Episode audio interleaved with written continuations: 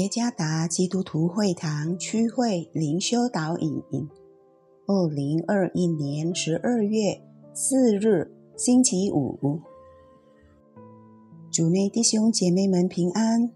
今天的灵修导引，我们要接着圣经马太福音十三章第三节到第七节来思想今天的主题：根除阻碍增长的荆棘。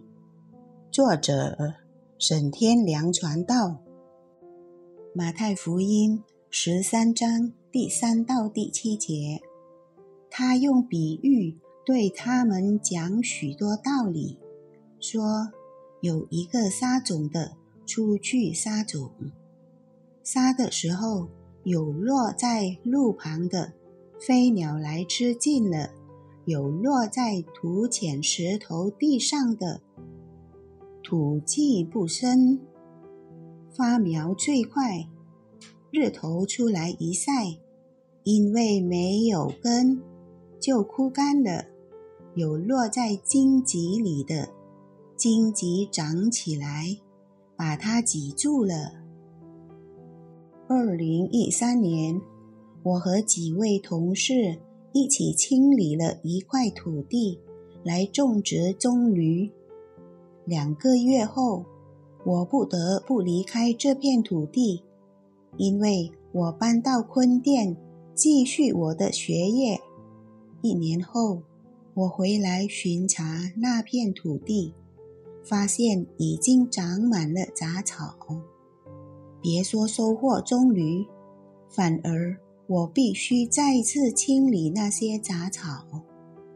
这是土地没有得到妥善照顾管理的结果。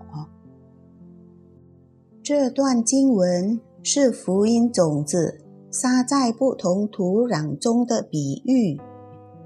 土壤的类型是我们内心对上帝话语的反应的描述，这会影响我们与他的关系。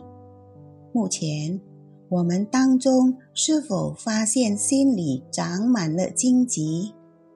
如果是的话，你必须除掉那些荆棘，因为茁壮成长的荆棘将成为撒在我们心中的福音种子成长的障碍。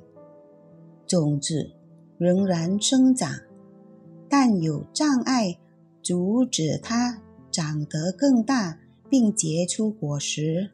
那些荆棘的形态是什么？也许是忙碌夺走了我们与上帝相处的时间，或者是害怕和担心未来的日子，使我们无法在我们的生活中看到上帝的旨意。如果我们希望我们的属灵继续成长并结出果实，那就需拥有主动权。第一点，了解是什么阻碍了我们。想一想，为什么我们在生活中再也看不到神的心意？是什么阻碍了我们的信心变得更加成熟？为什么我们会犹豫不决地将有关上帝的事告诉别人？我们必须将生活中的荆棘除去。第二点，抽时间与上帝相处，并采取提高我们与其他信徒的关系之行动，与非信徒分享上帝的爱。上帝将会除掉剩下的荆棘，清理你心中的荆棘，以便那圣言增长并结出果实。主耶稣赐福。